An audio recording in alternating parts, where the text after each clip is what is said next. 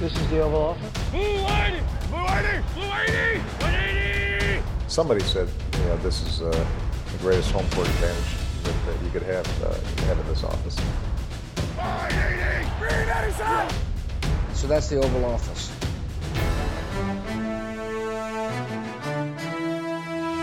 NFL er tilbage, og har jeg glædet mig til at sige det. Hej og velkommen til den udgave af Det Ovale Kontor.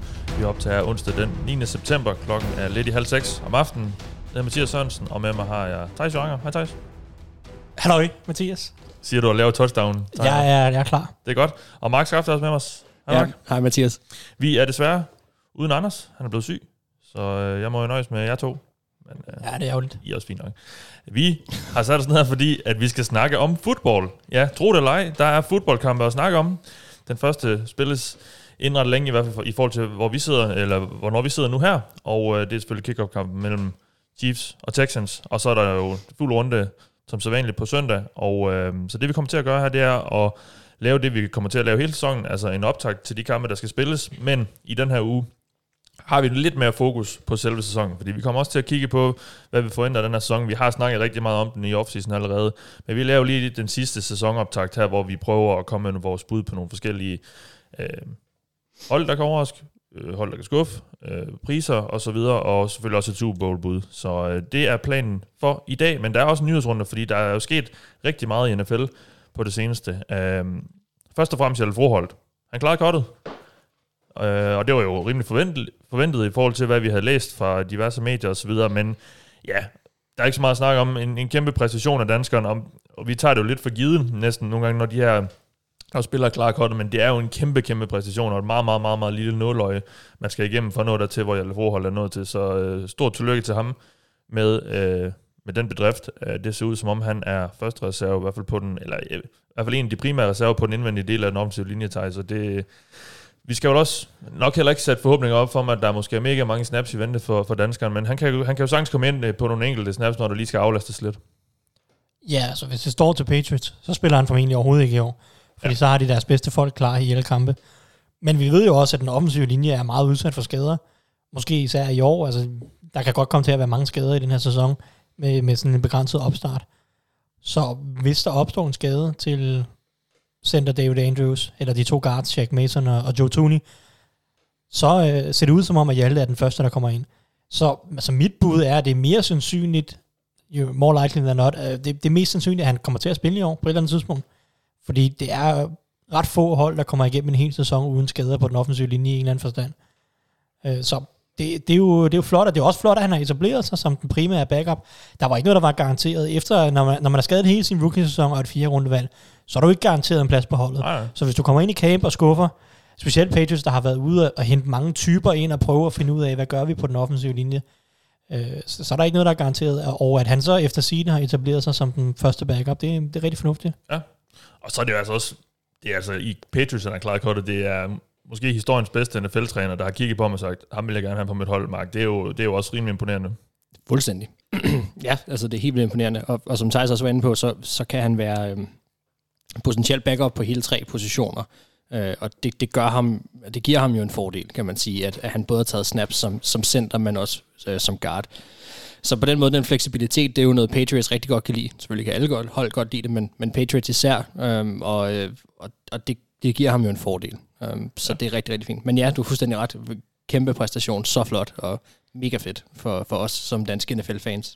Og sidste gang, Hjalte spillede mange kampe i løbet af en sæson, det var jo i Arkansas-dagene. Der, der, fulgte vi, der holdt vi øje med ham og kom med en lille update på, hvordan han havde spillet. Så det, vi skal også nok holde øje med ham i år. Øh, det begrænsede antal snaps, han jo nok trods alt øh, kommer til at få, men, men vi skal nok lige, øh, hvis der er nævneværdige øh, perioder, han er på banen, så, så kommer vi selvfølgelig lige til at følge op på, hvordan han klarer det. Nå, næste punkt, det er Damien Clowney. Vi har snakket om ham, ja også hele offseason, nu snakker jeg om, før vi havde, vi havde snakket om sæsonen, men vi har, og det har også indebæret, hvor, hvor til David Clowney, han skulle ende, og det ved vi nu. Han ender i Titans, øh, har skrevet under på en etårig kontrakt efter et længere forløb, hvor det vist i sidste ende stod mellem Saints og Titans, og der var også en masse, der har været rapporter ud efterfølgende om en meget kreativ løsning på at få ham til Saints og så videre, men han ender altså i Titans. Øh, Thijs, hvordan synes vi, han passer ind der? Strålende. Øh, det er fremragende for Titans. Øh, det- det var nok det punkt, jeg var allermest bekymret for på det her Titans-forsvar. Det var deres evne til at skabe uro op øh, foran øh, pass rusher. Jeg ved godt, Clowney er en bedre runstopper, end han er en pass rusher, men trods alt stadig en, en fornuftig pass rusher. Og jeg synes virkelig, de manglede noget modsat uh, Harold Landry. Jeg har tæt på nul tiltro til Vic Beasley, som de også har hentet den her årseason. Mm. Og det virker også til, at de selv måske ikke har så meget tiltro til, for de betaler jo egentlig Beasley også en del penge i år. Ja, der var også noget i starten af camp, for han mødte ikke op. Og ja, det er sådan en mærkelig ja. situation. Ja. Så Clowney kommer ind og forstærker det rigtig meget, og så kan de jo bruge ham over hele linjen. Rabel, han kender ham fra, sin, eller fra deres fælles uh, Texas, Tex- Texans dage. Mm. Uh, og, og, der kan man jo bruge Clowney netop til at være edge mod, uh, mod løbet, så kan man rykke ham lidt ind indvendigt. Han er nok nærmest en bedre pass rusher fra indersiden i kastesituationer, end han er fra ydersiden. Så øh, altså, det, det er rigtig, rigtig god, god tilføjelse til det her Titans-forsvar. Der er nu med tilføjelsen af Clowney, synes jeg begynder at være rimelig komplet. De har også gode spillere nede bag i Kevin Byard og Dory, Jack, og Dory Jackson. Fornuftige linebacker i Rashawn Evans og, og Jayon Brown. Så nu begynder det at være et forsvar, hvor at hvis ellers Jeffrey Simmons han viser noget, så, så er der ikke ret mange huller på det her Titans forsvar. Så det, det er en rigtig stærk signing, synes jeg. Rigtig, ja. en, en, forstærkning, en forstærkning i, i høj grad. En etårig kontrakt til, øh, som udgangspunkt 12 millioner, hvis nok, og så kan den vist med diverse incitament at ryge op på, på omkring 15. Um, øhm, og Clowney er ikke den eneste, der har fået penge. Det er en masse spillere, der i forvejen var på et hold, der også har fået øh, kontraktforlængelser, um, og en hel masse penge. til Davis White, Cam Hayward, Jalen Ramsey, så sent som i dag her onsdag, uh, eller var det natten til onsdag, det kan også godt være, det var. Uh, Keenan Allen, DeAndre Hopkins, og så Deshaun Watson, og det er egentlig ham, jeg primært synes, vi lige skal vende. Um, kæmpe kontrakt, han får, øh, og så kan man gå ind i detaljerne. Det, det, det bliver meldt ud som, som fire år, der bliver lagt på, og så er det egentlig måske kun to år, og så bliver der flyttet nogle penge rundt og så videre. Så det, men Mark, vi er vel ude i her, og det skrev jeg også lidt om øh, på Twitter, hvis man følger mig, at Bill O'Brien rent faktisk har gjort noget fornuftigt som GM, eller hvad? Ja, altså... Øh, Det var selvfølgelig lidt en no-brainer, men altså... Jamen, det var det, men... men Men det, men det var det også at beholde de Andrew Hopkins, så det valgte han ikke at gøre. Nej, altså man kan sige, at, at, at med alle de spillere, sådan, som du har nævnt, der, der er ikke rigtig det store navn, der er blevet betalt, og det store navn, der skulle betales også, synes jeg. Så der er ikke rigtig nogen, jeg har noget problem med. Hvis vi forholder os med til Deshaun Watson, jamen så er det, som du selv siger, en, en no-brainer. Øhm, fordi hvis ikke man havde fået forlænget ham og fået skibet ham afsted, jamen, så, så ved jeg slet ikke, hvor Texans ville have været henne mere. Så var det jo sådan fuldstændig forfra nærmest. Øhm, så rigtig, rigtig fint, at de, at de formår at holde fast på ham, øh, fordi så kan man altid lokke nye spillere til. Så skal de så finde ud af deres cap-situation, og de kan ikke der, de har en, lidt problemer med draft og så videre. De, i hvert fald, de mangler et par draft picks nu her, de, i hvert fald i den kommende draft. Men, men der er dog trods alt noget, der er et marked, og der er noget for klubben, når man har de Sean Watson. De, de er, ja, vi har sammenlignet dem lidt med Seahawks tidligere, men de har, de har en chance, øh, hver gang han er på banen for at vinde kampen. Øh, så, så dygtig er han, og, og han bliver bare bedre og bedre forhåbentlig. Så selvfølgelig så skulle han, øh, hvad kan man sige, selvfølgelig skulle han blive på holdet. Og øh, jeg synes også, altså det er rigtigt, det er jo ustyrligt mange penge, han får, men jeg synes sådan set også, at han bliver, bliver betalt for at være, hvad er det, han den anden bedste i år, eller anden bedst betalte i år. Øhm, ja, det, han er måske ikke den anden bedste quarterback, han er måske den tredje, måske den fjerde, men altså, jeg synes, det er fint. Ja. Det, og, og det her, det er jo også igen salary cap og alt sådan ting. Alting skubber sig jo og sådan noget, så, Mm.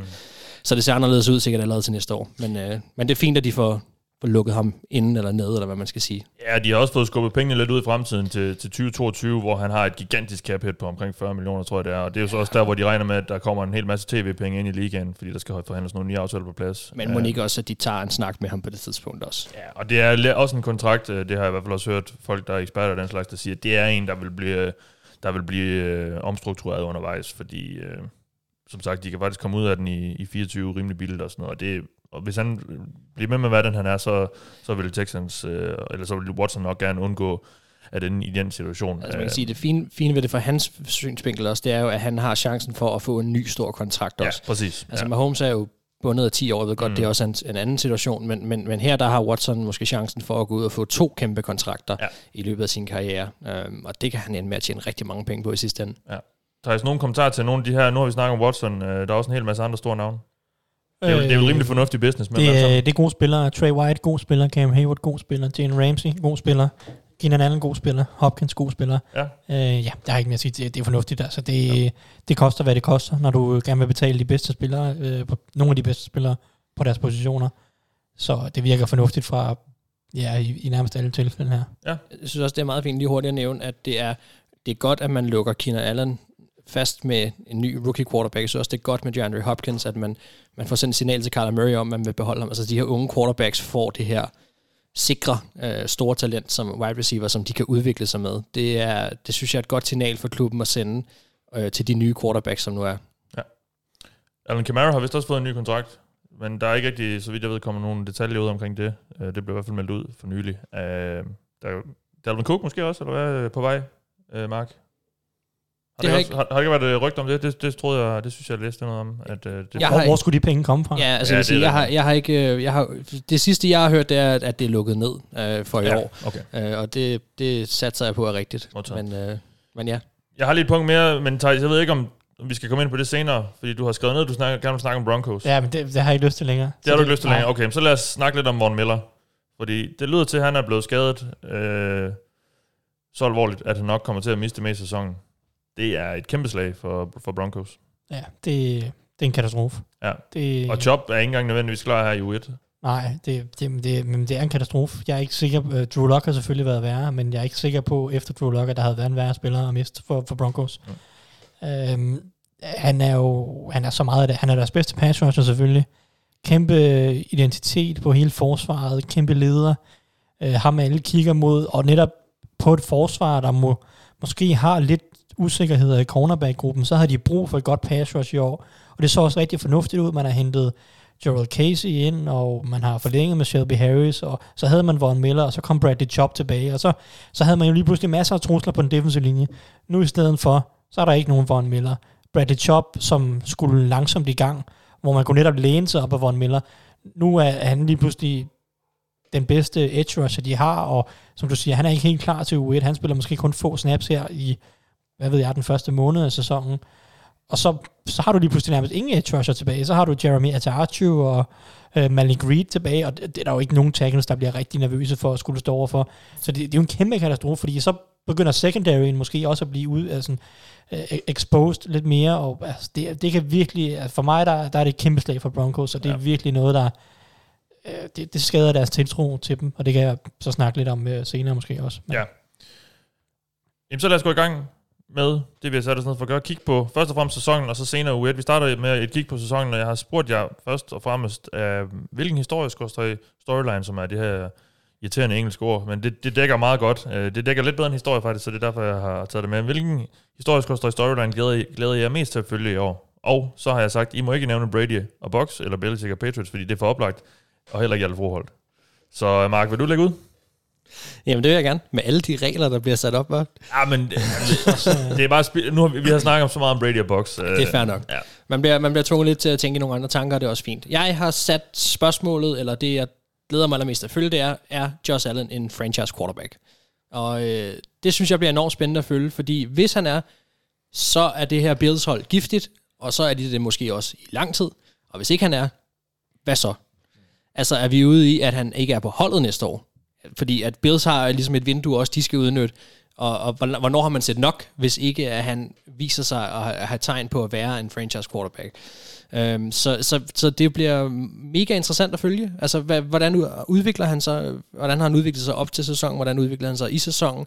Kan han gå ind og vinde kampe for Bills? Øhm, kan han blive mere præcis, specielt på sine dybe bolde? Kan han tage de her skridt frem, som gør, at han er en spiller, som man tror på, kan lede det her Bills-hold i mange år. Det synes jeg bliver mega spændende, fordi det, det tror jeg, vi får svar på i den her sæson. Øhm, om de vælger at gøre noget ved det ej efter sæsonen, om han er det eller ej, det er jo så, det ved jeg ikke. Men, øh, men jeg tror godt, at vi kan læse ret meget ud af den her sæson, og det kommer til at betyde ret meget for Bills, ikke bare i år, men også fremtidsmæssigt. Mm. Det, det er jo sjældent, vi ser de der helt store hop, synes jeg, fra anden til tredje år. Jeg, jeg, jeg, siger ikke, at han skal gå ind og blive MVP. Jeg vil bare gerne se, at han er blevet bedre. Jeg vil gerne ja. se, at, at de ting, som der gør, at han basalt set er en undermiddel quarterback i mine øjne, gør, at han, han løfter sig op til noget, der måske minder om en, en overmiddel. Eller i hvert fald viser, at han har evnen til at forbedre sig og, og, og kan ramme. Øh, for eksempel, nu har han fået Stefan Dix. Hvad kommer det til at gøre? Kommer han til at, at, at, at kunne kaste dybe bolde og være mere præcis? Hvordan kommer de til at bruge ham også? Øh, der, han, han skal bare han skal tage nogle skridt, øh, og, og nogle af dem må også godt være store, øh, i, i den retning, der hedder, er han en mand, vi skal bygge på, er han en mand, vi skal bruge det her øh, vindue, vi har øh, til at, og, hvad kan man sige, både vinde divisionen, men også kæmpe mere om en Super Bowl. Ja. Øhm, og, og, og det, det er jeg helt sikker på, at vi kommer til at få svar på den sæson, og jeg glæder mig enormt meget til at følge. Mm. Og hvis Josh Allen er den, er den her franchise quarterback, vi gerne vil se ham være, og han tager et skridt frem, så er Bills jo lige pludselig rigtig giftige. Der er godt nok en svær vej i AFC. Der er Chiefs, og der er Ravens, man forventeligt skal udenom, men, men Bills, så kan, så kan Bills godt slå, slå fra sig. Jamen det er jo det, og det er også derfor, jeg synes, det er interessant. Det er jo, at, at, at det her hold kan i princippet øh, gå, gå det, det, begge ender af spektret er i spil her. Fordi at jeg synes også, vi kan stå i en situation næste år, hvor at man finder ud af, at, at, at han var ikke manden, og så skal vi ud og have en øh, hvad det, free agent quarterback eller et eller andet. Mm. Så bliver man nødt til at prøve noget andet højst sandsynligt. Um, så, så det er ret spændende. Men ja, som du selv siger, hvis han rammer den, og man føler, at man kan bygge videre på ham, og han viser, at man kan bygge videre på ham, jamen så har, så har Bills fat i noget rigtig spændende for fremtiden også. Ja. Jeg vil, jeg vil sige, man ja. kan udvide det til Baker Mayfield og Sam Darnold også, Ja. egentlig. Ja, ja. Ja. De holder måske ikke lige så farlige uh, som Bills potentielt, men, men det er også Browns to er quarter. vel- Browns kunne også godt, hvis Ja, Baker der er Mayfield så- er rigtig god i hvert Ja. fald. Ikke? Men det er i hvert fald også to unge quarterbacks, der skal ud og bevise noget i år. Dit bud på en historie? Ja, jeg har, jeg har skrevet bare en hel division, fordi ja. Jeg har skrevet NFC West. Jeg synes, det er den mest interessante division i fodbold i år. Jeg synes, alle fire hold har nogle fantastiske storylines, og øh, det er alle fire hold, som kan være utrolig konkurrencedygtige, tror jeg. I bedste fald i hvert fald. Og, og det, det skaber bare nogle dynamikker. Vi har selvfølgelig 49ers, der var i Super Bowl sidste år, og hvad kan Shanahan? Kan han bare fortsætte med det her fantastiske, dynamiske angreb, selv uden receiver, og hvad ved jeg, hvad med forsvaret, der måske overpræsterede de en lille smule sidste år, kan de uden Bogner og alt det her. Så der er jo selvfølgelig en af de helt store titelfavoritter der, der skal ud og forsvare deres øh, sådan, niveau, eller deres, øh, deres selvfølgelig divisionstitel i en svær division. Så er der Seahawks, der sidste år var, var ekstremt heldige med at være, jeg ved ikke, 10 eller 6 eller 11 eller 5, men jeg jo synes egentlig har den bedste trup, de har haft i, jeg vil i hvert fald sige, tre år. Som for mig til at sige, okay, jeg ved godt, at altså, regression, sådan helt, ifølge det, sådan lock, ifølge held, så burde de jo blive dårligere, end de var sidste år. Men, men trupmæssigt er de bare så meget bedre, især på, i bagenden af forsvaret. Også med nogle unge receiver, i hvert fald DK Metcalf, der kan gøre det endnu bedre for Russell Wilson. Så jeg kan ikke helt finde ud af sådan Seahawks. Jeg har lyst til at sige, at det er et godt hold, men der er også bare så mange ting ved Seahawks, der siger, Ja, det, det, ja. det, det stoler jeg slet ikke på. Så de er sådan lidt et hold, jeg, jeg har svært ved at finde ud af, og jeg glæder mig til at følge. Så er der selvfølgelig de to underdogs i divisionen, for det er klart, Seahawks og 49ers er division store i gåseøjne. Cardinals, ung quarterback, ung kreativ head coach. Hvad kan de drive det til? Hvor god kan Kyler Murray blive her i år to? Altså potentielt set kan han jo blive rigtig, rigtig god. Men de har så også et forsvar, der holder dem en del igen, måske i hvert fald. Så hvor gode kan Cardinals være? Fordi hvis Kyler Murray går ud og bliver rigtig, rigtig dygtig, ligger på på nogle af de områder, hvor han ikke var så god som rookie, så er det jo, så er det jo et brandfarligt angreb, de kommer til at løbe afsted med. Og så har de også et angreb, som hverken 49ers eller Seahawks, tror jeg, sådan helt kan følge med på. I hvert fald, hvis man kigger talentmæssigt hos 49ers, og måske filosofisk hos Seahawks, så, så får de det svært øh, med et hold som Cardinals, hvis Cardinals angreb kommer ud og laver 30 point mm. hver kamp. Fordi hverken 49ers eller Seahawks er bygget til shootouts. Øh, og så er der selvfølgelig Rams. Sean McVay, Redemption, genopfinde sig selv. Hvad kan han? Øh, hvilke nye ting lægger han på sit system? Ja. Øh, bliver der mere tight end? Bliver der det ene? Bliver, bliver, det, bliver det mindre outside zone? Bliver det mere indvendigt med en, en lidt mere alsidig running back gruppe? Hvor mange Øh, problemer kan Donald og Ramsey skjule på, på forsvaret? Ja, det er så forsvarsdelen af det, ja. Ja. men mest af alt bare altså McVay og, og, og Rams, der jo også skal prøve at lave en bounce-back-sæson, efter at de var i Super Bowl for to år siden. Altså, det er jo, det er jo den division, der har sendt et hold til Super Bowl to år i træk. Ja. Øh, fra, fra NFC-halvdelen. Så altså, jeg synes, det er fire hold, der har nogle fantastiske storylines. Alle sammen, jeg, jeg kan sådan set se alle sammen vinde divisionen. Der er nogen, der er mere sandsynlige end andre, men alle fire hold har potentiale til at vinde divisionen, synes ja. jeg. Så altså, det er bare en division som helhed. Altså, det bliver fantastisk tæt. Og nogle af de her divisionskampe bliver utrolig spændende og afgørende, og forhåbentlig på et meget højt niveau. Ja, nu ser du, du har valgt en hel division. Jeg, øh, jeg har valgt en hel konference. Okay. Øh, fordi jeg glæder mig til at se, øh, og jeg kommer ikke til at komme med bud på alle, fordi vi skulle have hørt fra Anders, men øh, hans, øh, hans bud er jo så på, på de her forskellige øh, kategorier, de er jo så røget ud, fordi han ikke er her til at kunne forklare dem. Så øh, jeg har lige skrevet lidt ned til nogle af dem, som, som jeg, hvor jeg synes, jeg havde nogle tanker, der, der måske var relevante at dele. Øh, jeg glæder mig til at se, hvem der skiller sig ud i det her øh, NFC, som jeg synes ser meget mærkeligt ud, når jeg kigger på det. Jeg kan simpelthen ikke, øh, jeg kan ikke blive klog på, hvem jeg skal tro, der er Super Bowl favoritter, eller hvem jeg tror, fordi når jeg kigger på ned igennem, så, så er det sådan, ja, og så, og, men der er altid et men ved holdene, synes jeg. Øhm, Saints, øh, Saints har et rigtig godt hold, men jeg er lidt bekymret for Drew Brees. Øh, Buccaneers, der er rigtig meget nyt. Det ser rigtig spændende ud, men fungerer det allerede fra start i den sæson, og med den offseason, der har været. Cowboys ser mega spændende ud på forsvaret, eller på, på angrebet, men ja, forsvaret ser sådan lidt ud, og hvor fungerer det lige også med McCarthy, efter han har været væk, og Eagles, der er nogle skader, og Packers har jeg egentlig, tror jeg, jeg har sendt i Super Bowl de sidste fire år, øh, fordi Rodgers er Rodgers, men, men er han så også det? Og jeg er lidt bekymret for, at Matt LaFleur, han har lyst til at løbe bolden lidt for meget, og hvor godt er forsvaret egentlig? Og så er der de her NFC West, som du så også lige har, har nævnt, øh, som, som jeg så ikke vil, vil gå i dybden med. Øh, så jeg synes, det, jeg synes, det er et mærkeligt NFC. Altså, vi har Chiefs, og vi har Ravens, og også til del Steelers i, i AFC, hvor vi siger, okay, dem, det ligner et hold, der godt kan, kan nå langt, men og dem, er der, dem er der bare mange af i NFC, og jeg kan ikke helt finde ud af, hvor meget de lige adskiller sig, fordi igen, der er altid, der er altid lidt forbehold. Der, der er nogle af de her NFC-hold, der kommer til at skuffe helt vildt. Ja. Fordi vi har et felt... Og så er der nogen, der kommer til at overraske, sikkert. Ja, ja, vi har et felt på, som du siger, du nævner 6-7 øh, syv hold, måske 6-7-8 hold, hvis man tager nogle af de her Cardinals Vikings øh, bobler med. Ikke? Hvis man tager det med, så har du sådan 8, måske der 9, som er sådan, det er det hold, der kan blive ret gode, mm. hvis det hele lige flasker sig. Ja. Og samtidig, som du siger, der er mænd ved dem alle sammen, betydelige spørgsmålstegn ved dem alle sammen, som gør, at, at det, det kan sagtens falde fra hinanden, og så kan de gå 5 og 11 eller 6 og 10 eller et eller andet. Så der er nogle af de der favoritter i gåseøjne, Eagles, Cowboys, Seahawks, 49ers, så nogle af de her hold, der er nogle af dem, der kommer til at skuffe. Saints Box ja. selvfølgelig, ikke? Der er nogle af dem, der kommer til at skuffe rigtig, rigtig meget. Og omvendt, så er der nogle af de her Vikings, Cardinals, hvad ved jeg, Lions, something, mm. der kommer til ja, de kan, de kan, men jeg, jeg tror, det Falcons, hold, der, ja, altså sådan nogle ja, af de tror også godt, de kan noget, men jeg tror, overrasker, ikke? jeg tror mere, det er hold, der kan være spoiler. Jeg tror ikke, det er hold, der kan gå helt super. Nej, det, det tror jeg heller ikke. Altså, men, men, men, de kan jo ja. overraske, og så ja, ja. kan de gå 10 og 6, ja. og, og så skubbe, øh, altså Falcons kan skubbe Saints eller, Fal- øh, Saints eller Box mm. ud af slutspillet ved at gå 10 og 6 og blive to ja. i de divisioner og sådan noget. Sådan nogle, sådan nogle elementer øh, kan sagtens komme i spil, specielt i NFC, som du siger. AFC, der har du så de tre, som du nævner, store, måske som ja. er favoritter og så resten kan du næsten bilde mig alt ind omkring. Altså, ja. der, der er ikke så store forventninger til resten. Mm.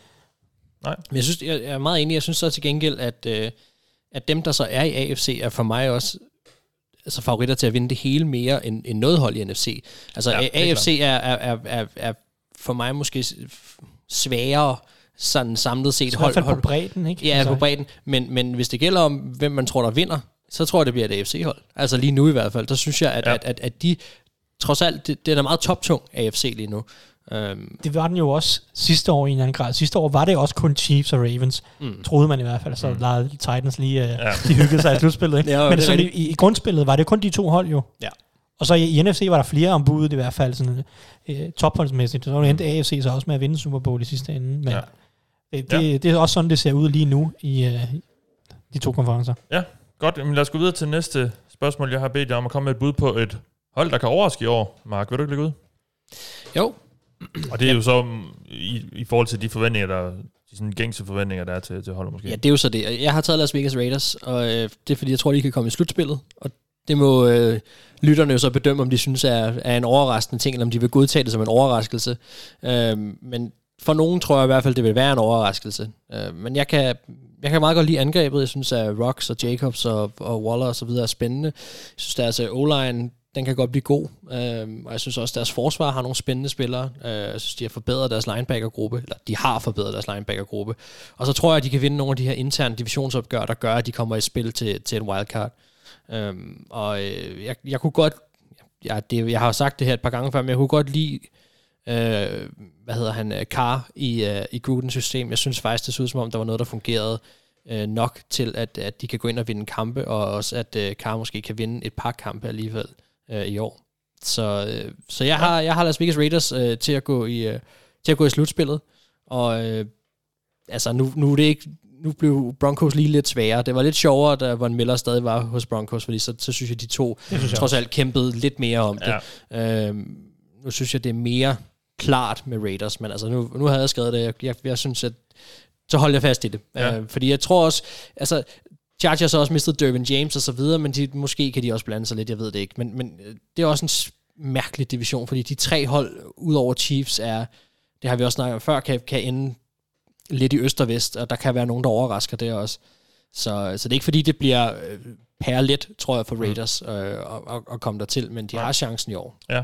Og Det, jeg, jeg synes faktisk også, jeg er også lidt overrasket over, hvor meget Von Millers skade har ændret, øh, skade har ændret mit syn på, på Broncos. Øhm, ikke fordi jeg havde tænkt, de kunne blive til noget me- mega stort, men, men, men deres forsvar, det, altså det, det, det stort fald lidt med ham på en eller anden måde, fordi han var den helt, helt store profil der, og Tror, ja. du ikke, tror du ikke, det har noget at gøre med, at, at angrebet er så hammerne usikkert, som det er? Så man jo, har, man det har kan behov, blive... Ja, Ja, du har behov for et eller andet at klamre dig til. Eller, ja det er nok rigtigt. Ja. Ja, og det, Ja. det havde jeg også i forhold til, og der er Von Miller bare en mega solid stamme, Ja. øh, og, og når, når alt kan, kan gå i alle retninger på angrebet, så vidste man da mm. trods alt, at man havde Von Miller på den anden side, som nok skulle, man nok skulle få noget godt ud af i hvert fald. Ja.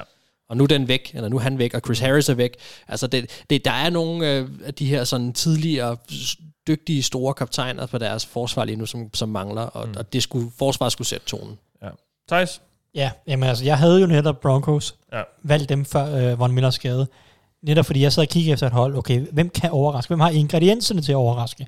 Broncos, ingredienser til et solidt forsvar, og så også, altså der er også masser af potentiale på angrebet med, med Locke og, og det par unge gode receiver. Men nu, altså, jeg, jeg kan simpelthen ikke, øh, jeg får, jeg fik kolde fødder. Altså, Von Miller, det, jeg turde simpelthen ikke at satse på dem uden ham. Så jeg, jeg vælger at skifte, og så går jeg over til uh, Arizona Cardinals.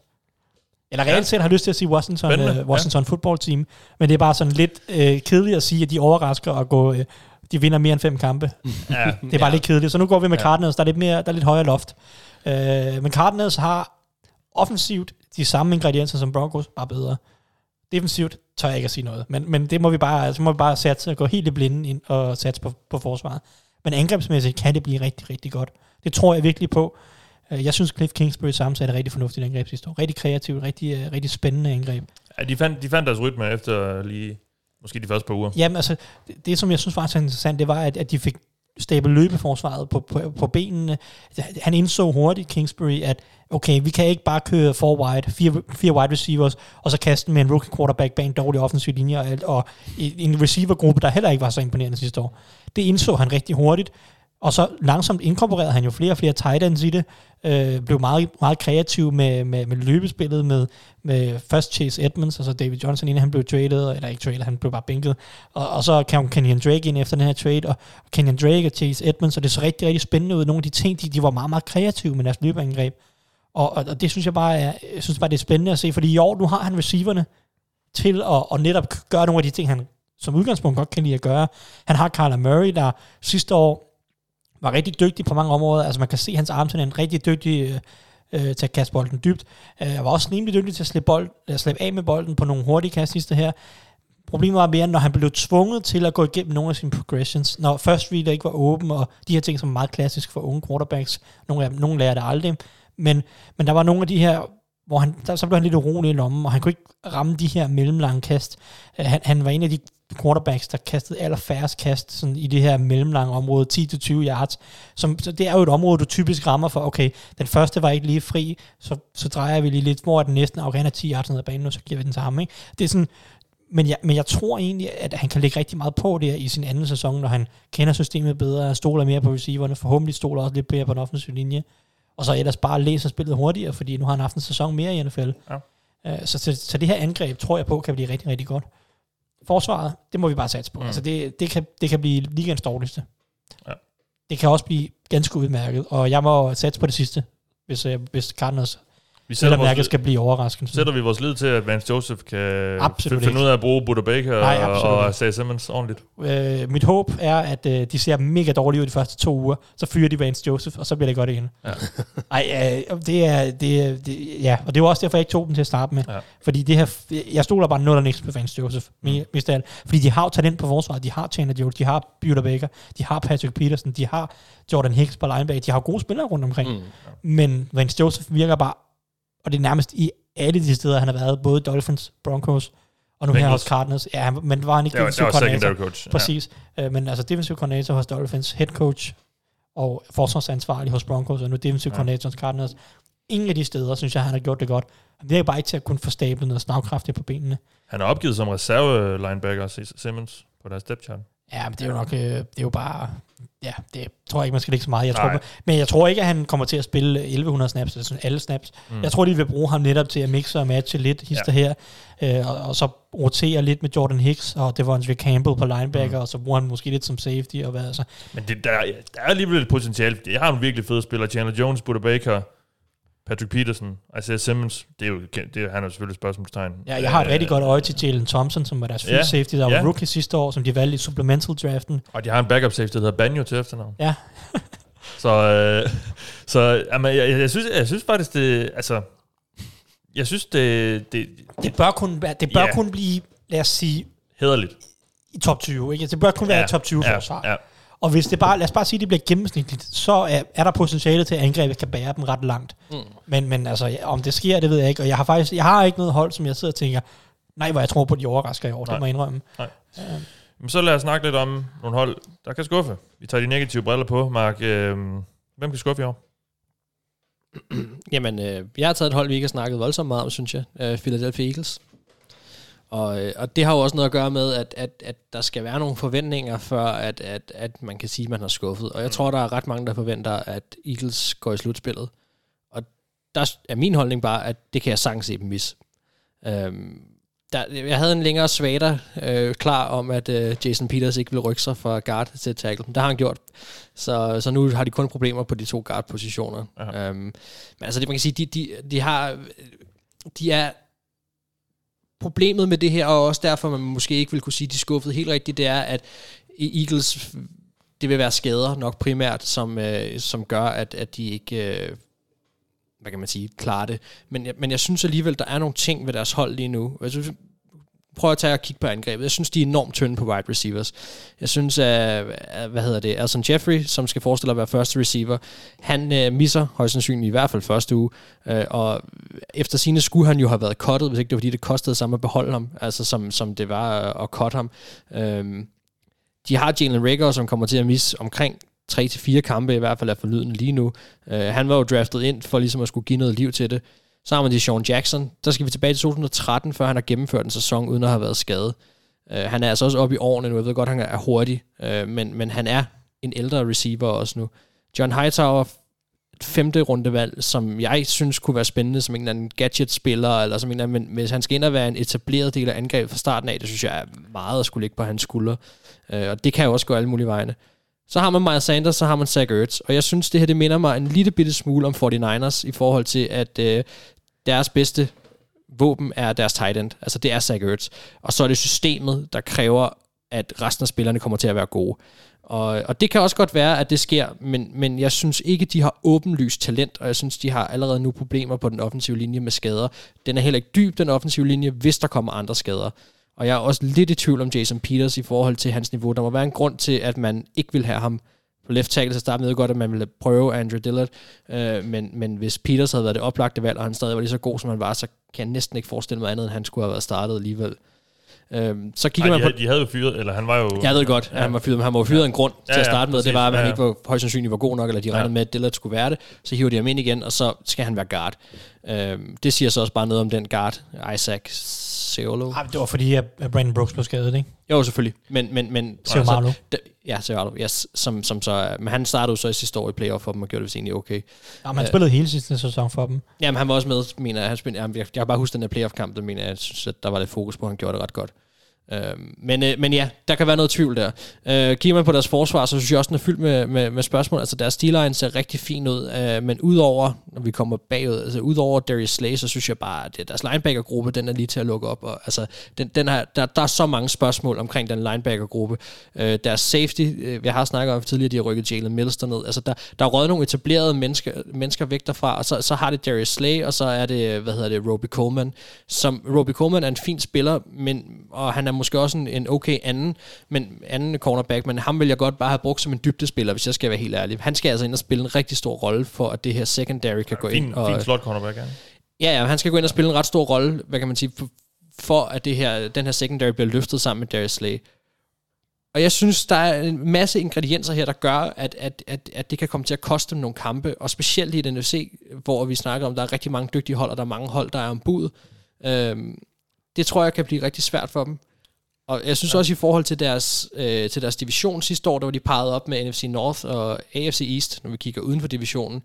Øh, og når vi kigger tilbage nu, så må vi bare sige, at de hold, som, som de spillede mod på det tidspunkt, var ikke nogen voldsomt stærke hold i forhold til i år, hvor de så er, er peget op med blandt andet øh, AFC North og uh, hvad hedder det, AFC West. De får bare, synes jeg, på papiret nogle hårdere modstandere mm. i år. De får nogle sværere vilkår i år, og, og de kan ikke, altså de slog Packers og Bills sidste år. Det var nogle rigtig gode hold, men de tabte også altså til både Redskins og Bears og Jets og, og så videre. Altså, øh, nej, undskyld, dem vandt de over, men de tabte både til Falcons, Lions og Cowboys og Vikings og Dolphins og så videre. Der var en masse hold, de også, altså sådan, der, der er nogle ting her for dem, som jeg tror kan blive svært for dem i år, og derfor kunne jeg godt se dem i slutspillet.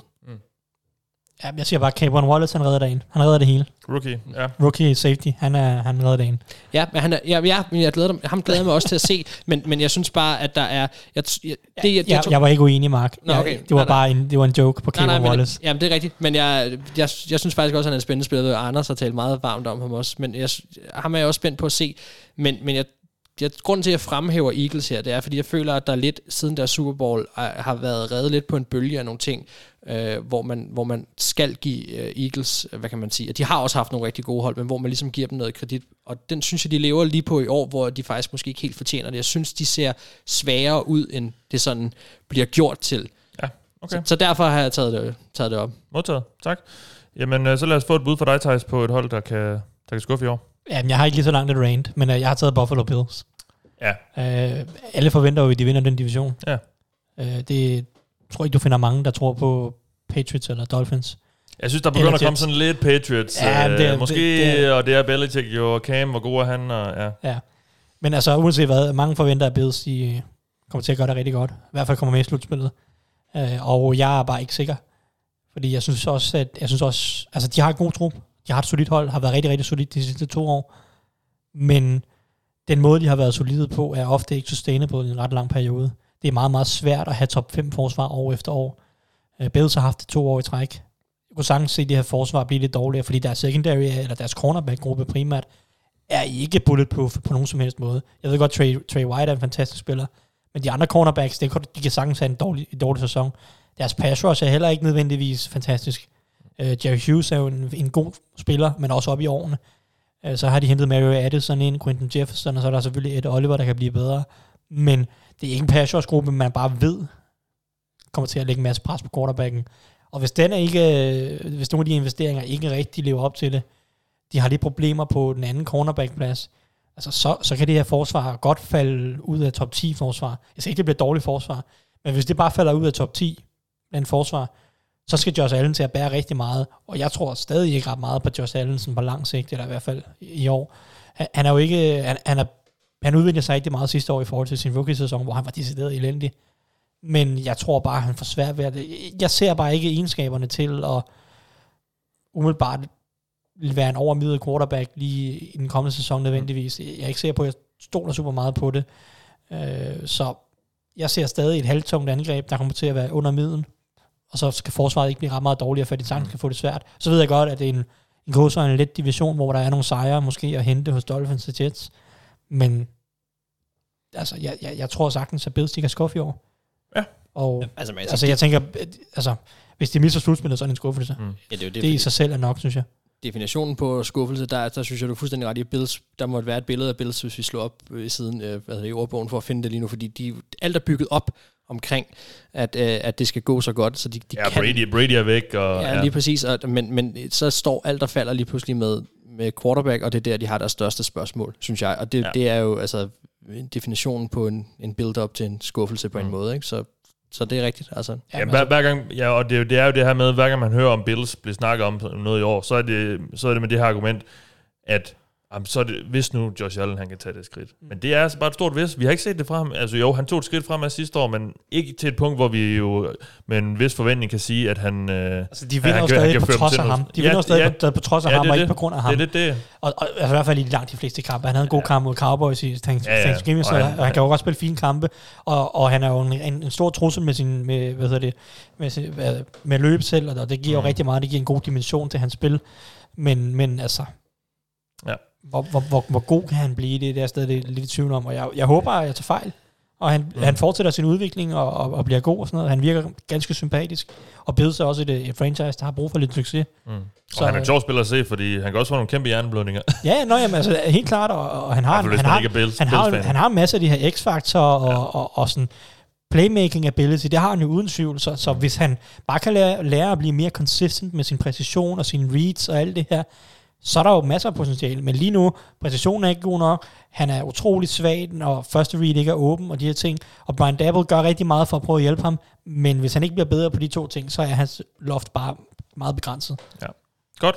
Så skal vi lige komme med nogle bud på nogle af de store priser, der uddeles efter sæsonen, det vil sige dagen før Super Bowl. Og øh, ja, jeg har taget dem, jeg anser for at være de fem største med. Og vi kan tage dem fra bunden. Han har sagt Defensive Rookie of the Year. Og, jeg, og for første gang, tror jeg nogensinde, har I ikke nogen, øh, har, har mine medværter ikke nogen øh, øh, er de samme bud på nogle af priserne? Det tror jeg... Og det er også bevidst, tror jeg. Jeg, jeg, jeg, Ja, jeg, und, jeg undlod at tage den samme offensive rookie, jeg siger, som ham i hvert fald. Okay. Men vi, nu starter vi lige med at snakke de, de, Defensive Rookie of the Year. Uh, Mark? Ja, jamen jeg har taget uh, Patrick Queen. Ja. Ja. Så shout-out til Anders derude i din sygeseng, ja. der tror jeg, Ja. du bliver rigtig glad lige nu. Uh, ej, jeg har taget Ravens linebacker. Ja, Ravens linebacker. Jeg har taget ham, fordi at, at når vi snakker de her priser, så synes jeg altid, man skal tænke ind i, hvad for nogle hold kommer man til at se meget, hvad for nogle hold kan potentielt få succes, og hvem kan måske så, sti, hvad kan man sige, stikke ud lidt. Og der tror jeg, at Patrick Queen har en chance, fordi Ravens kommer til at få succes i år, og de kommer til at få mange primetime-kampe. Og vi har tidligere set med sådan nogle priser her, hvis man kan lave mange taklinger, så kan man også godt vinde priser, og det er jo ikke nødvendigvis noget, der betyder voldsomt meget, men det tror jeg sagtens, han kunne. Og så tror jeg faktisk også, at han kunne komme ind måske og lave et par interceptions, og, og gøre noget, som ligesom er flashy nok. Uh, han er jo en dygtig spiller, og der, man, man vinder den ikke, hvis ikke man er en god spiller, men, men uh, jeg synes, at ingredienserne er der til, at, at han er et godt bud på en Defensive Rookie of the Year. Ja, så lad os høre, hvem du tror, Thijs. Ja, men det er jo meget det samme, det der med, at man skal gerne have et hold, der får noget hype, og specielt på forsvarsspillerne. Ja, mange af de priser her, det er jo også det, det vi kommer tilbage til hvert år. Det er jo meget Det er hype-priser. og, og narrativer Ja. og sådan noget. Altså, hvad er historien med det her hold? Og det er også derfor, jeg gad at tage coach med, fordi det er pri- narrativ, eller historie, eller den her, det, det, handler om historien, sæsonen. Altså, fordi ellers så skulle de jo bare, så skulle de bare navngive den Bill Belichick-prisen, og så give den til ham hvert år. uh, så, så den, den gad vi ikke snakke om. Men, men hvem er dit bud på en defensive rookie of the year? Jamen, øh, jeg har taget øh, Docs favorit jo, tror jeg nærmest, er Antoine Winfield Jr. Ja. øh, fra, fra Buccaneers safety, som de tog i anden runde. Øh, han er blevet udnævnt til starter, og har efter sigende gjort det rigtig godt, og kommer til at blive brugt som safety og lidt nede i slotten, og sådan ganske alsidigt, så han kommer til at let blive, komme, blive sat i scene som slot cornerback eller i opdækningen, og have en mulighed for at lave en masse spil, også op omkring løbespillet og nogle af de her ting, øh, som, man, som man lægger lidt mærke til. Og, og jeg, jeg synes jo bare, øh, han var, jeg var tosset med ham også i draften, hvor jeg havde ham som en top 20-spiller. Øhm, så, så jeg synes jo, han har skillsettet til at gøre det hele. En, en suveræn playmaker, der, der farer rundt på banen, takler godt og alle de her ting. Så øh, jeg, jeg er bare en stor fan, og det Ja. ved jeg, at Mark jo også er, øh, i hvert fald hans far. Og det er, Jamen, jeg, det jeg tror også, jeg er en kommende, kommende stor fan af Sønneke, det vil jeg Ja, tro i og hvert så fald. og Anders er også helt pjattet med ham, så det er jo, det er jo Docs officielle poster child, skulle jeg til at sige, ja. øh, som, som jeg tror sagtens kunne blive Rookie of the Year. Defensive Rookie of the Year. Og så offensive rookie of the year, Mark. Ja, nu bliver du glad. Good, good, old Joe. Ja, Øhm, ja, jeg, var, jeg var også så kedelig sidste år, tror jeg. Her Joe Burrow. Ja, nej, der havde jeg Kyler Murray under sidste år, men det, Ja. men det er fordi, at det er tit en quarterback. Og, og det, Joe Burrow er, er det oplagte valg, og det er også godt, at Thijs har valgt at tage en anden, fordi så får vi snakket om andre potentielle kandidater. Jeg synes, ja. Joe Burrow er, er den fuldstændig oplagte, øh, og ja, det bliver nok også ham forhåbentlig, der vinder den. Før forhåbentlig for dig. Jeg tror ikke, de skal behøve meget, vinde meget mere end 5-6-7 kampe. Og, Jamen, han, det- og han viser sig det er frem det- som at være en legit quarterback, så, så, så ligger den til ham. Jeg Der er jo tænker, ikke nogen af de andre rookie quarterbacks, der virker til at skulle presse på for den pris. vi er næsten Nej. ude i, at han bare skal holde sig skadesfri, ikke? Er det, er, det, det, det er tæt på, ej, ej, hvis han har, sådan- ej, hvis, hvis, han har sådan Nathan Peterman, Ja, okay. så tror jeg, Forhåbentlig. Så får han nok Ej. heller ikke de der 6-7 så lægger jeg mig også til at græde.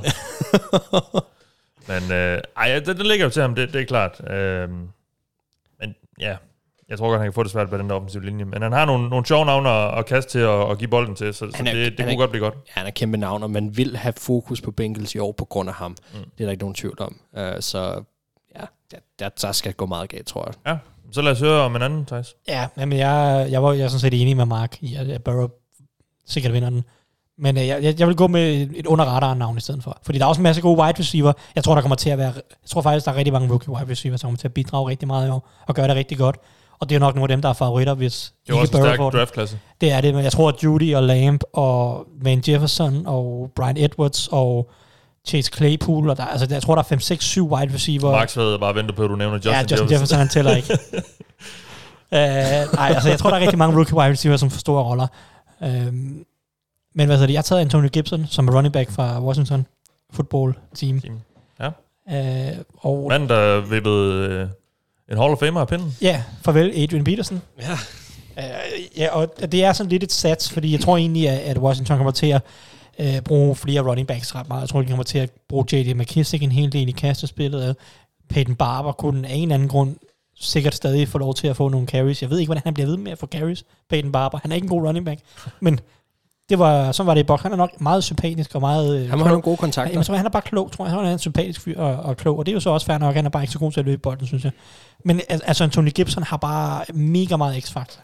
Og jeg var også glad for ham i draften. Han, er- han, han, er, han er stor, han er ekstremt hurtig, og han er svær at takle. Han, altså, han har alle redskaberne til at blive en rigtig dygtig running back.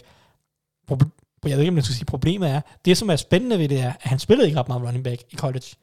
Mm. Han spillede slot receiver, og så blev han hævet tilbage i backfielden en gang imellem. Uh, nu kan jeg ikke helt huske det, men jeg tror, han havde ah, det var et sted mellem 30 og 50 carries i sin sidste sæson. Jeg tror, måske er det færre. 25 carries i sin sidste sæson.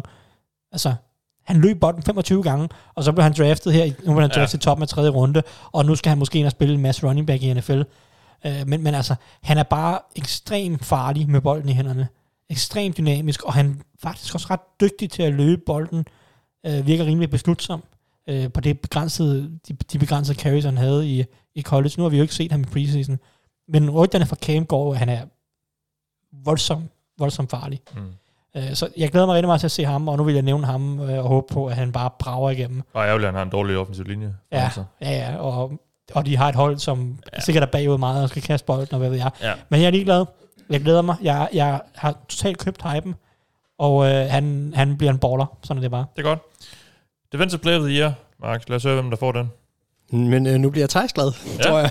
vi, vi, vi søde ved hinanden i dag. ja, det må man sige. Eller Jeg ikke, har, ikke så meget ved dig, Mark. nej, ikke så meget af mig. Jeg har til gengæld været hele AFC North rundt nu. Ja. Øh, jamen, jeg har taget uh, TJ Watt. Og, Ja. ja. og det har noget at gøre med også igen, at øh, historien er god, synes jeg. Uh, at Steelers forsvar kommer til at være rigtig godt i år. E- Edge rusher skal vi jo lige Ja. sige, han er. Og øh, JJ's bror, og hvad hedder hans anden bror? Derek. Derek, ja. Så, øh, så der er noget der, hans navn er ligesom Bosa. Altså, der er noget med navnet der, der allerede nu øh, hjælper ham, synes jeg, lidt på vej. Men, men Steelers kan blive en darling, tror jeg, for mange i år, og specielt deres forsvar, og jeg kan godt se ham være en dominerende faktor, øh, og en, der springer ud, øh, når man skal kigge på, hvorfor det gik så godt. Øh, og der vil helt sikkert være nogle, nogle andre spillere også, som, som bidrager måske endda endnu mere, men jeg tror, han kommer til at lave en del sacks, og jeg tror, han kommer til at lave nogle, nogle stats, som springer ud.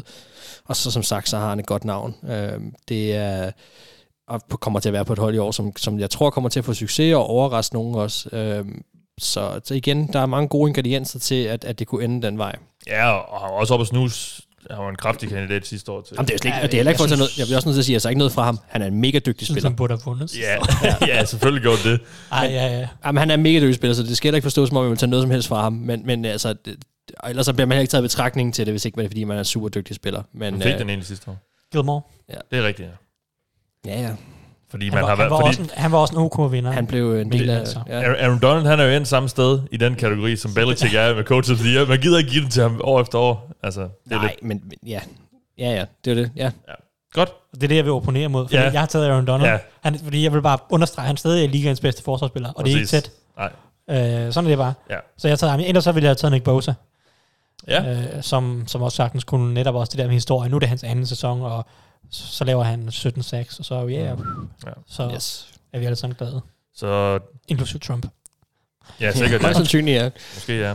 Um, nå, men så lad os snakke om offensiv spiller of the year, offensive, offensive player of the year, Mark. Og øh, ja, det er jo faktisk vildt. Nu, nu har vi optaget 49 minutter, og du har ikke øh, sagt noget positivt om Vikings endnu, men så lad os høre det. Ja, nu bliver jeg glad. Nej, øh, jamen, øh, der er en Vikings-spiller, der har en chance for at vinde noget, så skal det da nævnes. Ja. Øhm, ej, jeg har taget, jeg har taget Dalvin Cook, fordi jeg synes, at, at jeg, han, eller jeg ved, han bliver en omdrejningspunkt for, for angrebet i år. Det helt store spørgsmål er, om han holder sig skadesfri. Hvis han holder sig skadesfri, så har vi set fra ham, at han hører til blandt de bedste backs i ligaen, og i og med, at han kan blive noget omdrejningspunkt, så skal han nok få sine carries, og han er også involveret i kasterspillet. Så jeg tror godt, at han kunne sætte nogle imponerende tal, imponerende tal øh, på banen, og, og han er en, der kan nævnes som en mulig finalist til den her pris. Der er mange ombud, vil jeg lige sige. Øhm, så, men jeg synes, det var sjovt lige at nævne ham, fordi at, at jeg synes, han er en reel mulighed. Yes. Jamen, det vil jeg give ret i. Jeg tror, han kommer skal nok blive fodret. Også fordi han, han kan også deltage meget i kastespillet og så videre. Så. Jeg er egentlig bare overrasket over, at du ikke nævnte F. Smith, men okay. Ja. ja, men det er, det er rigtigt, ja. Det burde jeg nok have gjort, ja. Lad os høre, hvem du øh, vil give prisen til.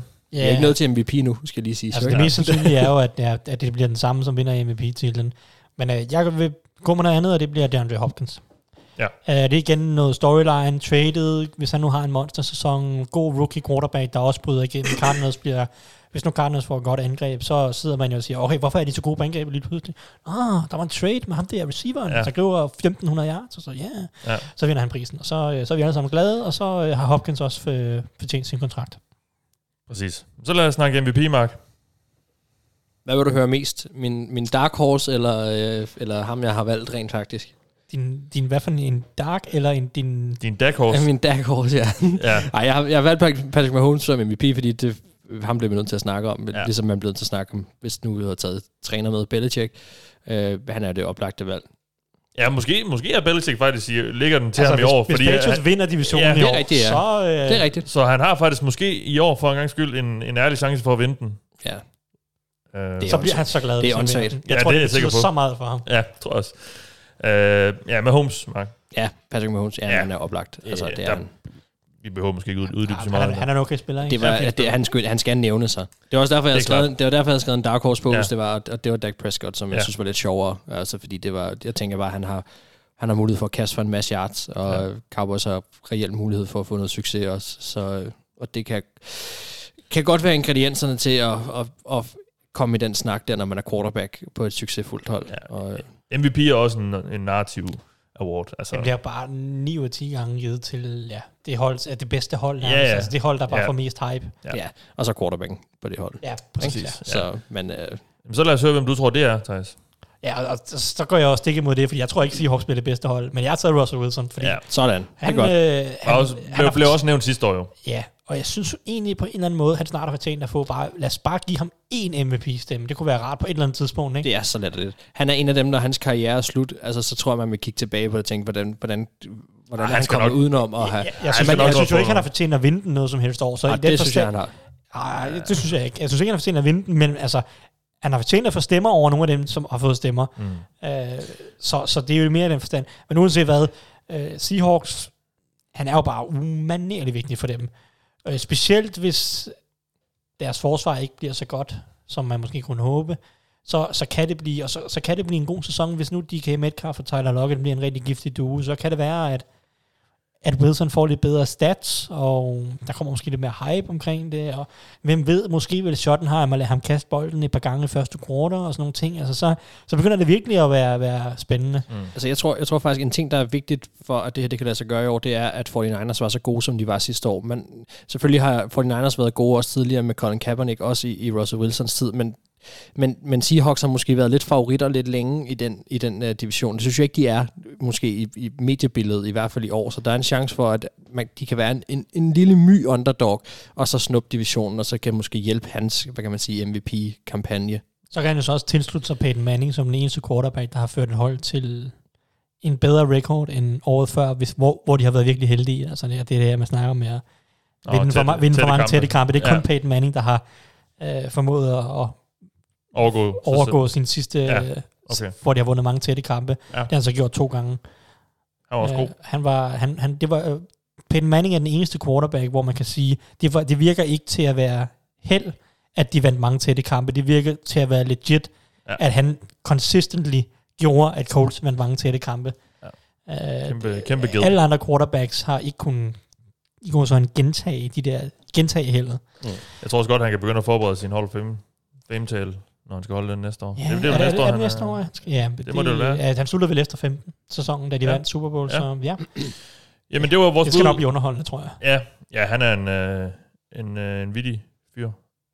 Og med det synes jeg, vi skal gå videre til at komme med vores bud på, hvem vi tror, der går i Super Bowl. Og vi kan jo lige starte med Anders, som ikke er her, men han har været så venlig at skrive sit bud ind.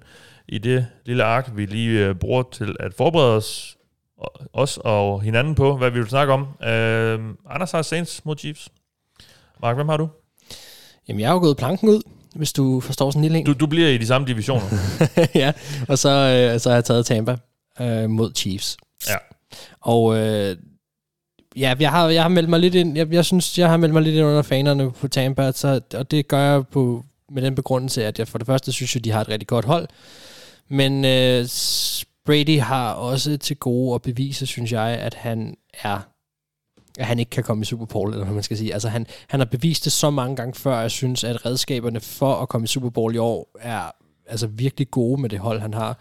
Øhm, så, så jeg synes, at Tampa er, er spændende mm. i forhold til en, en mulig Super Bowl. Og nu valgte jeg også at tage den, fordi jeg ved, at der er mange, der er uenige, og der er også mange, der tror, at de choker og, og så videre. Så nu valgte jeg at gå i en lidt anden retning, øh, og så hvad kan man sige, plante foden solidt i Buccaneers land, og så sige, jeg tror godt, de kan gå i Super Bowl.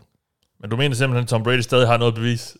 Nej, han har bevis på den dårlige måde. Altså, han, har bevis, Nå. han, han skal bevise, at... at, at Ja, ja. Eller- Er han ikke, at han undgår, han, ja, det er, ham, det er ham selv, der kommer til at skulle stoppe det. Jeg kommer, jeg kommer ikke til at sidde og sige på forhånd, at Tom Brady ikke har den længere. Det skal han selv vise. Ja, okay. Ja. Det er det, jeg vil sige. Nej, Tom Brady har ikke andet at bevise, end at at han skulle have været stoppet, hvis det var, han var dårlig nu. Ja, Ja, det, okay, det er det måde. eneste. Thijs. ja. Jeg har, øh, jeg har taget Ravens fra AFC, Ja, som jeg tror vinder det hele. okay. Og så har jeg ikke valgt en FC-hold. Fordi jeg, jeg kan ikke Kom nu. Så, Jamen, Jamen, jeg jeg, altså, så bliver det også nemt at vinde, vil jeg sige. Ja, men altså, øh, jamen, jeg har ikke noget hold, som jeg tror på i NFC rigtigt. Altså, så, vil jeg, så vil jeg hellere gå med en overraskelse. Så, øh, så siger vi, at... Øh, okay, hvem kan overraske? Du skal ikke sige Lions. Ej, jeg vil ikke sige Lions. Øh, så siger vi, at... Øh, ej, Så, nej, men så lad mig komme med mit bud. ja, okay. Jeg har Chiefs Seahawks. Ja, Seahawks, ja. Og det er kun fordi, jeg sad og kiggede, som jeg også sagde lige før, jeg sad og kiggede på NFC, og jeg kan bare ikke blive enig med mig selv om, hvem jeg synes, Det kan jeg der kan gå i ikke. Super Jeg- Bowl. jeg har ikke og så, og jeg jeg, jeg, har, Super Bowl. jeg har et eller andet med, jeg, der har en eller anden fornemmelse af, at Russell Wilson bliver sluppet lidt mere fri i år. Og så tror jeg altså, det kan blive rigtig sjovt fra Seattle. Også selvom ja. de har nogle lidt sketchy spillere på nogle positioner, og det er sådan, men han er bare magisk. Altså, og jeg tror, han, jeg tror, han får en kæmpe sæson. Ja, men altså, så går jeg planken ud med mit NFC-bud, så siger jeg Cardinals. Og det, det er Ah. overraskelsen. Ja, okay.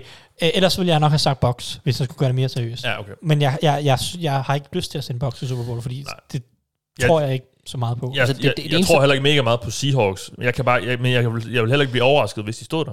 Altså, men jeg, jeg, jeg ved, Nej, jeg men det kan er fordi, de har også Wilson. Altså, det, Jamen, det er det, de. men jeg kan bare ikke blive enig. Jeg synes bare ikke, der er nogen... og Jeg har også lyst til at, øh, jeg har også lyst til at sige Saints, Jeg synes, vi skal... fordi de, jeg synes, deres hold er meget komplet. Men Drew Brees, altså sidste år fik han fem kampe på bænken, hvor han kunne hvile sin arm, og den, den, Og så, stadig, den, så, Ja. den så stadig meget slatten ud til sidst. Øh, jeg tror bare ikke, han, der er ret meget mere guf i den.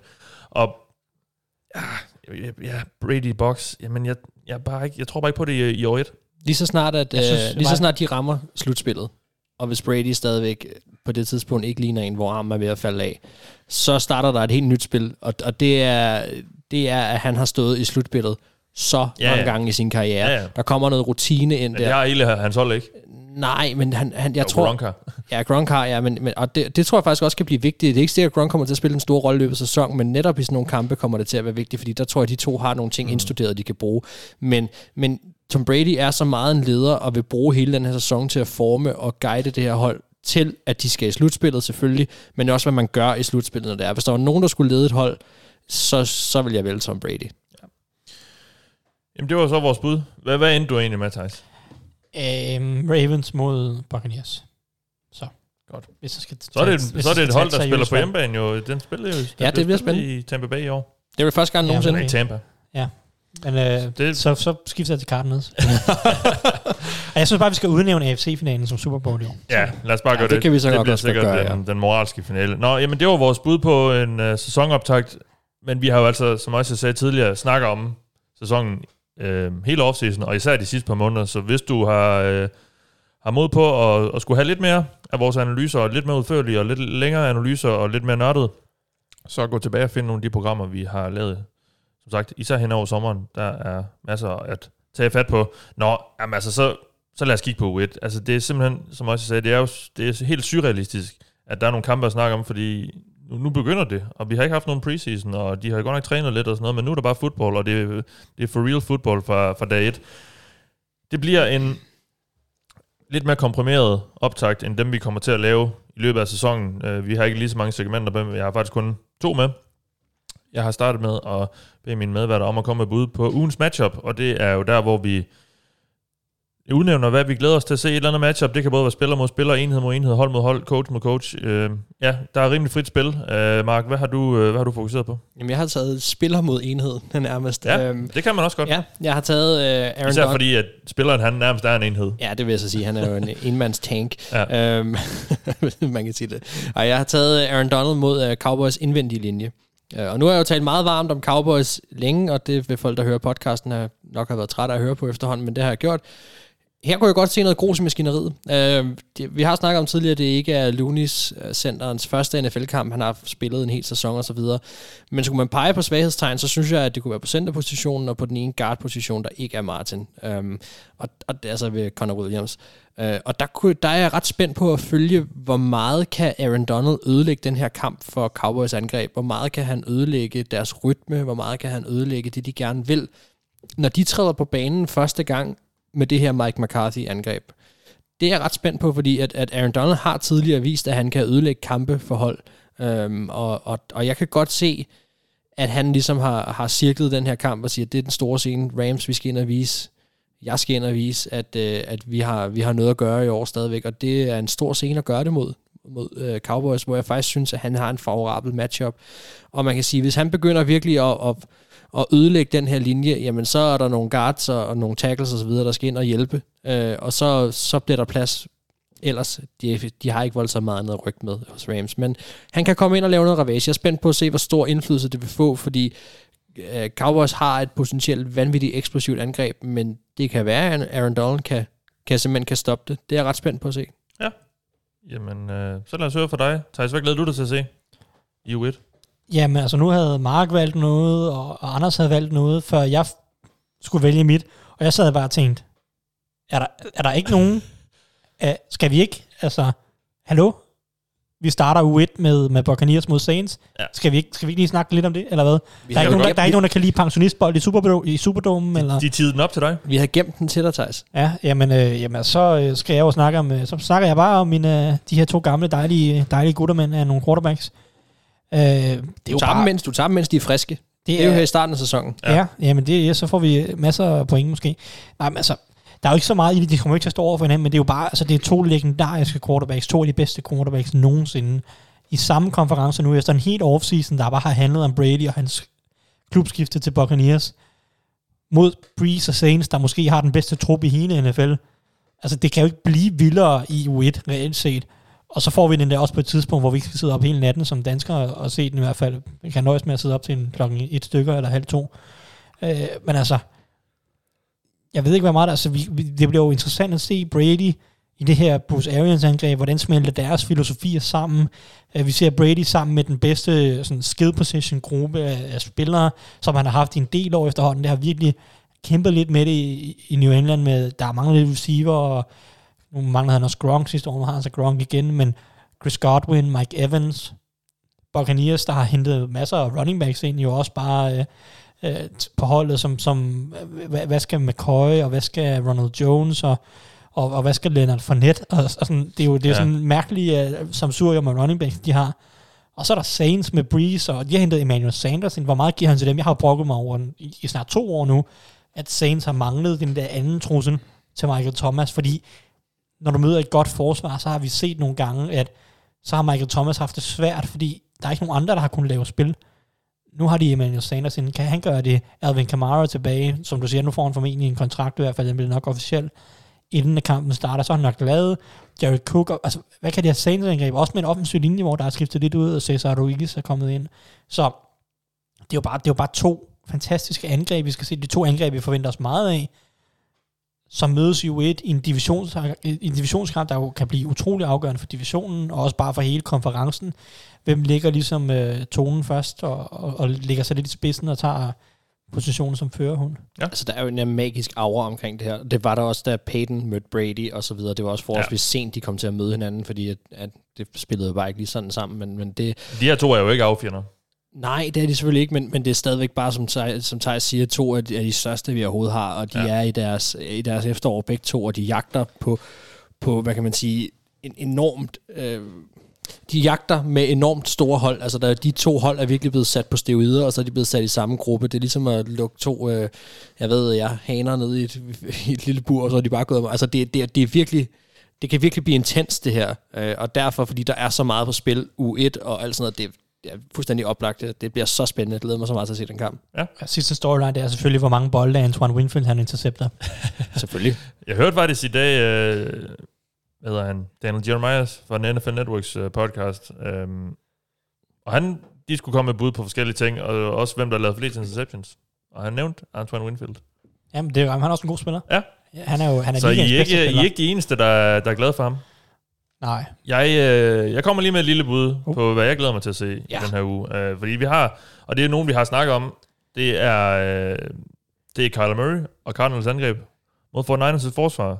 Fordi, som øh, du også nævnte tidligere, Thijs, så er det her Cardinals angreb måske et, som 49ers og, øh, og Seahawks måske ikke helt, eller kan få lidt svært ved at holde styr på. Og vi får allerede en, en smagsprøve på det her i U1, hvor, øh, hvor Cardinals og 49ers møder hinanden. Så, så det glæder jeg mig til at se, også fordi jeg, jeg har også lidt et godt øje til Cardinals og til det her angreb, øh, som jeg er rigtig spændt på at se, især øh, med, med DeAndre Hopkins. Det havde egentlig også været, tror jeg, hvis ikke han var der, men med ham, der, der får det bare lige lidt mere... Øh, det får lige lidt mere spice, og det er lige lidt mere lækkert det hele, øh, når han også er på banen. Øh, så det glæder jeg mig rigtig meget til at se. Det vil jeg bare lige smide på bordet, fordi det er en, en lille forsmag på, måske hvor, hvor styrkeforholdet er i den der division. Kyler Murray var også en af de quarterbacks, der gjorde det allerbedst mod 49ers forsvar sidste år. Ja, som jo var et af En af de bedste. få quarterbacks, ja. der ikke bare blev slagtet, skulle jeg til at sige. Ja, og bange for Richard Sherman og, og Nick Bosa. Og så har jeg spurgt jer, eller jeg har bedt jer om at komme med et spørgsmål, I gerne vil have besvaret i den kommende runde. Det vil sige U1. Mark, hvad vil du gerne have svar på? Jamen, jeg har, jeg har snydt lidt og lagt det sammen, men det er fordi, det er samme kamp. Uh, jeg vil gerne kigge på to angreb, og det er Broncos og Titans. De bliver sat op over for hinanden her i U1, og jeg synes, det var ret interessant, fordi de er to hold, som nu er Von Miller skaden sket, uh, men, men så måske så meget desto mere er der behov for, at Broncos angreb viser, at de kan noget. Der har været ret meget hype omkring det. Titans angreb de, altså mange forventer, inklusive mig selv, at de ikke kan opretholde det høje niveau, de havde sidste år. Men nu kommer de ud og møder hinanden og står over for hinanden, og indtil Von Miller røg ud, var det faktisk også to habile øh, forsvar, som de her angreb skulle testes imod. Så man, jeg tror, man vil få en eller anden fornemmelse af, hvilket niveau er de her to angreb på, og hvor meget kan man tillade sig at forvente af dem. Kan vi, kan vi tro på, at den her Broncos angrebshype er, er rigtig, at Drew Lock han er, ser godt ud og så videre, og det samme den anden vej, Ryan Tannehill, kommer han ud og gør alle os, eller i hvert fald mig og, og andre øh, kritikere til, til skamme, og, og viser, at han kan holde det her høje niveau i det her Titans angreb. Øhm, det bliver spændende, og, og jeg synes, det, det er ret sjovt, at de to lige var legnet op over for hinanden, fordi der netop var så mange forventninger, eller der er så mange forventninger til dem, men der er også en mulighed for, at de skuffer katastrofalt begge to. Mm. Så for lige at køre helt Jeopardy-stil, hvad er det så for et spørgsmål, du gerne vil have svar på? Jeg vil gerne have et spørgsmål på, hvordan Broncos og Titans angreb ser ud. Jamen Thaj, så lad os høre, hvad for et spørgsmål, du gerne vil have svar på i U1. Ja, jamen, jeg har stillet spørgsmålet, hvordan ser Packers angreb ud? Nu synes jeg, vi har snakket rigtig meget om Packers i den her offseason, eller i hvert fald om deres draft, og hvad den symboliserer, og hvad er det for en angreb, og de har draftet en fullback og en running back og en backup quarterback, og ingen af dem ser ud til at komme til at spille ret meget i U1. Ja. Men, men, men altså he, alt det, hvad det symboliserer, vi snakker om, betyder det, at de vil løbe bolden helt vildt meget, eller betyder det, at de bare, de, de vil stadig gerne kaste lige så meget, men de vil bare kaste ud af nogle tungere formationer, altså de vil gerne øh, kaste ud rigtig meget ud af 12 personer, måske fokusere rigtig meget på play action, som vi har set med Carl Shanahan, og 49ers, som Lafleur, som jo har været arbejdet under Shanahan. Så måske vil han bare prøve at arbejde lidt mere i den retning, at, at, at nu skal vi ind og have nogle gange nogle tight ends med Robert Tonyan og, og Jay Sternberg og nogle af de her typer. E, eller hvad bliver det her overhovedet? Hvad, altså, hvad, hvad skal vi forvente os af receiverne? Vi har jo selvfølgelig Devante Adams, men, men Alan Lazard ligner toeren. Er han en fornuftig toer? Kan han bruges til det? Fordi ellers har de jo ingen toer jo, formentlig. E, det, det er jo det meget hænger, virker, virker det til at være, hænge på Alan Lazard. Og det er jo ikke lige frem et navn, som indtil videre har vist noget særligt. Det kan være, at han gør det i år, men det er sådan lidt, hvor mange strenge har de at spille på, for kan vi forvente noget af Robert Tonyan og Jay Sternberger. Det lyder som om Tonyan nærmest kommer til at være den, den primære tight end. Øh, øh, øh, eller, altså, hvordan ser det her ud? Der er også noget med den offensive linje, hvor de har mistet Brian Bolaga, og de måske de virker stadig lidt usikre på, om Ricky Wagner han rigtig øh, reelt set er en god højre tackle for dem, eller, eller hvad han er.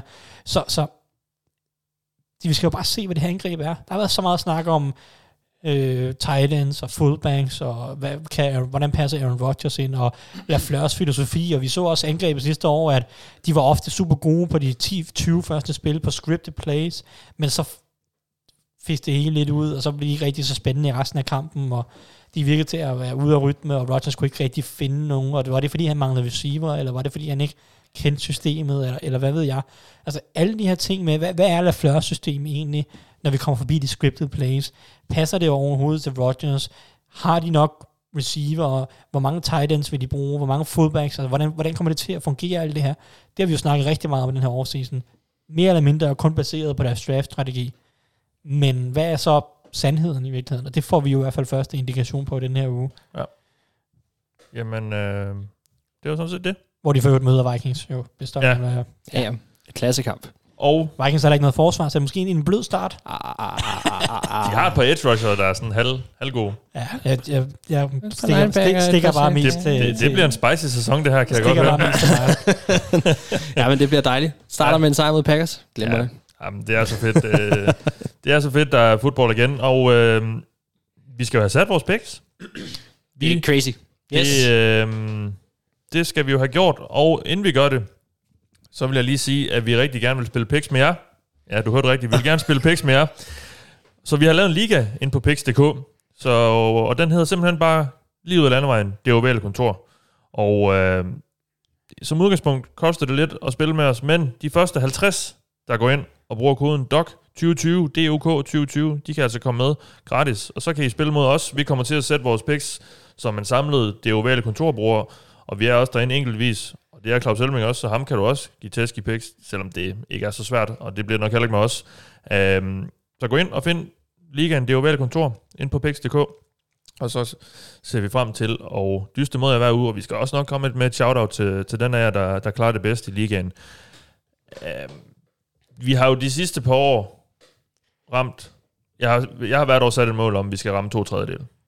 Det er vi ikke rigtig lykkes med, er vi? Nej, men vi er ikke mega langt fra. I 2018 var vi på omkring 62 procent, og sidste år var vi på 61 procent. Nå, Så det går den forkerte vej, det du siger. Ja, det er det. Så øh, Så vi skal bare ikke under 60 i år, er det det, du siger? ej, vi skal op på 66. Okay. Vi, vi, vi, vi kigger Jeg fremad. jeg kan bedre lige have nej-hatten på. Ja, vi, vi kigger fremad, ikke tilbage. Og, øh, men lad os begynde. Normalt er vi jo fire her, så jeg har egentlig tænkt, at vi i den her sæson som udgangspunkt, der holder jeg mig ud af det. Men nu er vi jo, fordi vi kun er tre i dag, så skal der jo være en eller anden, der kan lave en tiebreaker, hvis det ender sådan. Så øh, jeg starter med at spørge jer, og hvis I så er uenige, så kommer jeg med øh, det afgørende stemme. Vi starter selvfølgelig med kickoff-kampen natten til fredag. Kansas City Chiefs mod Houston Texans. Thijs, hvem vinder? Jeg har taget Chiefs. Ja. Jeg er kedelig, men øh, jeg, jeg tror, det her, jeg tror Chiefs-angrebet kommer til at rive det her Texans forsvar fra hinanden, fordi jeg synes, Texans forsvar ser bekymrende ud. Mark? Jeg tror, det bliver en fed kamp. Øh, men jeg har også taget Chiefs. Jamen, altså, så er vi jo egentlig... Ja, dem ville jeg også have taget, hvis det var. Washington Football Team mod Philadelphia Eagles. Thijs. Jeg har taget Philadelphia Eagles. Ja. Øh, mest bare for at være sikker. Det er, det er, Ja. ja. det er jo sådan lidt U1. Ah, Vi har overhovedet ikke set ja. ja. nogen af holdene og sådan Og noget. det er jo... Det er jo sådan, vi ja. ja. må bare, så må man jo bare... og, og mere end nogensinde over er U1 i år jo totalt svært at Og det kommer til, at- der kommer til at være nogle kæmpe overraskelser i år. Ja, det skal der kan, nok være. Jeg kan ikke forestille mig andet. Spørgsmålet er, om vi kan så udse dem på forhånd. Jeg, jeg har i hvert fald selv taget den tre, tre overraskelser med, Nå, eller okay. noget af stil, og så må vi se, om, øh, Ja, godt nok. Mark, om I køber dem. Washington mod Philadelphia. Jeg tror, jeg tror, de kan få problemer mod det her pass rush, men øh, jeg har også gået med Eagles. Skal lige sige, at Lane Johnson måske er ude i kampen, ikke? så det er Ah, okay. for, for 11 år en Eagles offensiv linje, min der, nej, det gør det heller ikke for, mig, for mit udgang, men det er altså virkelig en usikker offensiv linje. Patriots Dolphins. Første kamp uden Brady. Ja, man var frist, man er virkelig fristet til at tage Dolphins, men, men, men jeg, jeg er gået med Patriots alligevel. Øh, Patriots har normalt lidt problemer med Miami, men det er så typisk i Miami. Og det her ja, er i... og, og Patriots har jo nogle gange også i starten af sæsonen sådan lidt lige skal finde deres fødder, og specielt i år kunne man forestille sig det med, et, ja, der er virkelig mange nye brækker på forsvaret. Ny quarterback. Øh, altså, der, der, der er mange ting, som Patriots Mm. skal finde ud af her fra start af. Men, øh, men jeg har alligevel valgt at tage dem, fordi at, øh, altså, Belichick, Ja. han, han skal nok finde ud af det. Mark? Åh, jeg, jeg vil rigtig gerne tage Dolphins her. Øh, Det må du men, øh, men nej, det sikre valg... Vi skal have 66 procent. Den skal jeg bare huske. Det lukker, når jeg lukker øjnene derhjemme i aften, så kører det der 66 procent. Patriots. Patriots, ja. Vikings Packers. Mark, Mark, Mark, Mark stemmer på Vikings. Jeg gider ikke engang spørge ham. Hvem, hvem stemmer du på? Jeg har taget... Eller hvem stemmer du på? Hvem tror du vinder? Jeg har taget Packers. Jeg, ja. øh, jeg tror, det er mere solidt lige nu. I hvert fald her fra starten af. Jeg tror, Vikings de virkelig skal finde deres fødder også med en meget, meget ung trup, ung forsvar. Øh, usikre brækker på den offensive linje, ung receivergruppe. Jeg, jeg tror, Vikings lige skal, skal, skal lidt i gang her. Jeg tror, at Packers er mere solidt, i hvert fald forsvarsmæssigt. Ja. Ja. Og, ja, og jeg synes ja. også, at Packers forsvar havde rigtig godt styr på Vikings angreb sidste år generelt. Altså Cousins han spillede nogle dårlige kampe mod Packers Ah, var der, for ikke, det meste. der var den ene øh, brandkamp der, hvor han selv så til sidst sluttede den med en interception i, i endzone. Men øh, Mark, Mark nu, nu sagde jeg jo, at du havde taget Vikings. Det, det skal vi jo ret beset lige høre, om du har. Øh, 66 procent. Øh, nej, jeg tager Packers. Okay. Men, øh, men, men øh, det er... Øh, ja, jeg bliver glad på Ja. ja. mandag, tror jeg alligevel, hvis de, øh, Ja. Ja. hvis de har vundet. Jaguars Coles, der, den behøver vi jo ikke snakke så meget om, gør vi det? Nej, uh, Colts. Den vinder Jaguars. ja, Nej, Colts. Ja, det, Vel- vel Colts sagtens. skal jo, Colts Ja, skal jo vinde. Colts. Ja. Det skal de. Lions Bears? Den er svær, synes ja, jeg. det synes jeg faktisk også. Og der, der kunne jeg faktisk godt finde på at tage Bears, fordi at, at jeg synes, at, øh, at, at Lions forsvar har ligesom, øh, du nævnte tidligere, at Cardinals skulle have det dårligste forsvar i år, det har Lions i den grad også potentiale til at have. Øhm, og, øh, og jeg kunne godt se noget af det her Bears forsvar gå ind og ødelægge noget af den offensive rytme, og så kunne jeg godt se en lavt scorende kamp, og det kan godt være, det er i Bears favør, eller hvad man skal sige, hvis det er field goals, der skal ind og afgøre. Øhm, Ja. ja. Så øh, Så du har Bears? jeg, jeg, det er lidt over, jeg, jeg satser på en overraskelse, så siger jeg Bears.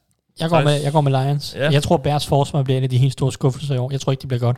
Nej, okay. Uh, så jeg går med Lions. Jeg går med den bedste quarterback. Ja, det Ja, så det er Trubisky. Jeg går med holdet, jeg går med holdet, der har en quarterback. Nå. Det vil sige Detroit Lions. Ja, det, Okay. det er nok meget fornuftigt. Øhm, ja, jeg er også i tvivl med Lions, men ej, jeg synes derfor, vi, og det blev jo nævnt igen og igen, han så så godt ud, der i starten af sidste sæson, så blev han skadet. Øhm, Ja, der er ikke nogen tvivl om, at, at hvis Stafford spiller godt, så skal Lions nok vinde den her kamp. Men det, ja. det er, min, min vinkel var bare, at hvis det kan blive en lavt, stor, lavt scorende affære, og det kræver, at Bears forsvar godt, så, så kunne jeg godt se, at det var til Bears fordel i hvert fald. Ja. Og så kunne de godt snuppe en tidlig kamp i år. Jeg tror ikke, de vinder mange kampe. vi går med Lions i sidste ende. Ja, Panthers, er Panthers Raiders. Jamen, øh, den skal Raiders jo vinde. Ja, Men jeg glæder mig meget til at se Panthers. Altså, Panthers er en kæmpe ja. wildcard i år. Altså, det kan, Deres angreb kan... ingen idé om, hvad der kommer. Det, det bør jo ikke blive godt på forsvaret, når man sidder og kigger over deres, altså, talentet på forsvaret. Det er pivringe. Men man har ingen idé om, hvad der rammer en, eller hvordan de spiller. Altså både offensivt og defensivt. Systemet, øh, hvilke formationer de vil bruge, hvordan de vil iscenesætte spillerne. Altså, alt er fuldstændig ukendt med Panthers. Mm. Og det er, jo, det er jo en spændende, spændende ting, fordi de ved jo alt om Raiders. Raiders har jo, kommer jo til at køre det samme system som sidste Ja. år. Altså, der er selvfølgelig nogle nye spillere hister her, men altså, der har Panthers i hvert fald fordelen på det ukendte. så Thijs, du har Raiders. Jeg har også Raiders. Men jeg vil sige, at Panthers de har nogle fede playmaker på angrebet. Det bliver sjovt at se. Jamen, Vi går med Raiders. Bills Jets. Ja, Ja. ja. Det vil godt nok være en overraskelse, hvis øh, Jets de tager den. Jeg siger bare, at det vil være virkelig, virkelig Adam Gaze-agtigt at, Ja. yeah. vinde, at vinde med to her. Er sådan en rigtig, rigtig lortekamp, som, Ja. ja. som, når man som slutter 18-16 eller noget stil. Ja. Det vil være så Adam Gaze-agtigt, som noget overhovedet vil være. Ja. Men jeg, jeg har selvfølgelig også taget Bills. Ja, Ja, ja, Bills. det vil jeg helt klart også gøre, ja. Ravens Browns. Altså, du har jo Super, du har dem i Super Bowl, Thijs, så de skal jo vinde. Ja, det skal de, og det gør de også. Det gør de da. Ja. Mark? Lad os tage den. Ravens. Ja, det vil jeg nok også gå med. Det er det sikre kort. Falcons Seahawks. Thijs? Uh. Ja, men jeg går med Seahawks. Mark? Seahawks. Bengals Chargers. Thijs? Jeg har Bengals. Det har jeg også. Ja. Så får du selv ikke engang lov til Du får at... ikke engang lov til at... Jeg får ikke engang lov til at vælge Chargers. Ja, jeg skulle til at sige, at helt, du havde helt sikkert taget jeg, Chargers. vil, men, ej, jeg vil faktisk også sige, jeg tror godt, jeg den kan de sagtens Jeg synes, den er meget åben. Ja, altså. det synes jeg egentlig også, og Bengals kan da sagtens vinde den Jeg kamp. tror, Bengals har det bedste angreb, så det er sådan set Ja, bare... det tror jeg også. Så det, Ja, vi det, har det, også- det, der, det der afgør det for mig. Vi har, vi har, råd, vi har råd til lige nu i, vi har råd til lige nu de 66 procent. Også lige at tage en, et skud på Joe Burrow i hans første NFL-kamp, ikke, når den er så åben. altså, Ja. Jamen, og, og, og, men det er jo så det, der er. Joe Burrow træder første gang nogensinde på, ind på en NFL-bane. Ja, ja, men Bobby Hart, han lukker fuldstændig ned for Bosa, det ved vi alle sammen. Yes. Det er totalt matchup i, uh, i Bengals. Uh, ja. Jeg tror, Uh, at ja. Anders' matchup i den her uge var vist for Joe Burrow mod Joey Bosa. Ja. Så skal du glad for, at han ikke var. Slap du for at høre på det. ja øhm, ej, den offensive linje, den, ja, den, den giver mig meget simpelthen. Ja, Nej, hvor ser den dårlig ud. det kan. Øh, Den kan blive rigtig, rigtig dårlig. Og det er også derfor... Jeg har en uh, terapigruppe for hold med dårlig offensiv linje. Jeg har gået i den Ja. et par år, og du kan godt være med, hvis, Hvis, det er. hvis I laver det mad, I laver på Eat My Sport, så vil jeg gerne være med. Nå, men så skal vi nok. Det, hvordan tror jeg, vi får det bedre? Man tager lige øh, 5-10 kilo på, men vi får det bedre. Stefan han er Eagles-fan, han har sgu ikke haft mange dårlige linjer. de sidste Nej, det er rigtigt. Nej, det er rigtigt. Jamen, han må fandme heller ikke være med. Så Det vi, kan, han går, kan få lov til at komme med i år. så vi går med Bengals der. Øhm, for Niners Cardinals. Thijs? Nå, Oh, er du så glad ud, nu du, du, gør? du skal jo sige Cardinals, skal du ikke det? Nej, fordi jeg er der en kylling. Ja. Jeg, øh, jeg, jeg er en mega kylling, så Er jeg... Debo klar? Nej. Ved vi det? Nej, det, er, Ja, han- det tror jeg ikke. Det er han ikke. Han er definitivt... Jeg synes, jeg... Der har været snak om det, men, Ja. ja. men jeg vil så sige, jeg vil hvis, han kom, hvis han kommer på banen, så bliver vi nødt til at sætte spørgsmålstegn ved hans niveau. Altså, at det, det er en- den fodskade klar, han der, er. og ja, det, Ja. det vil jeg sige. Jamen, altså, jeg, jeg går... De er også uden til at være Austin. Kæmpe slag. Ja, Fuldstændig. Nej, men jeg, jeg går med Fort Niners, fordi jeg er en kylling, der ikke tør at stå ved min øh, Cardinals i Super Bowl-bud. Okay. Jeg snupper Cardinals. Det er godt, Mark. Åh, ja. Ja, men... Ja, okay. For Niners Cardinals.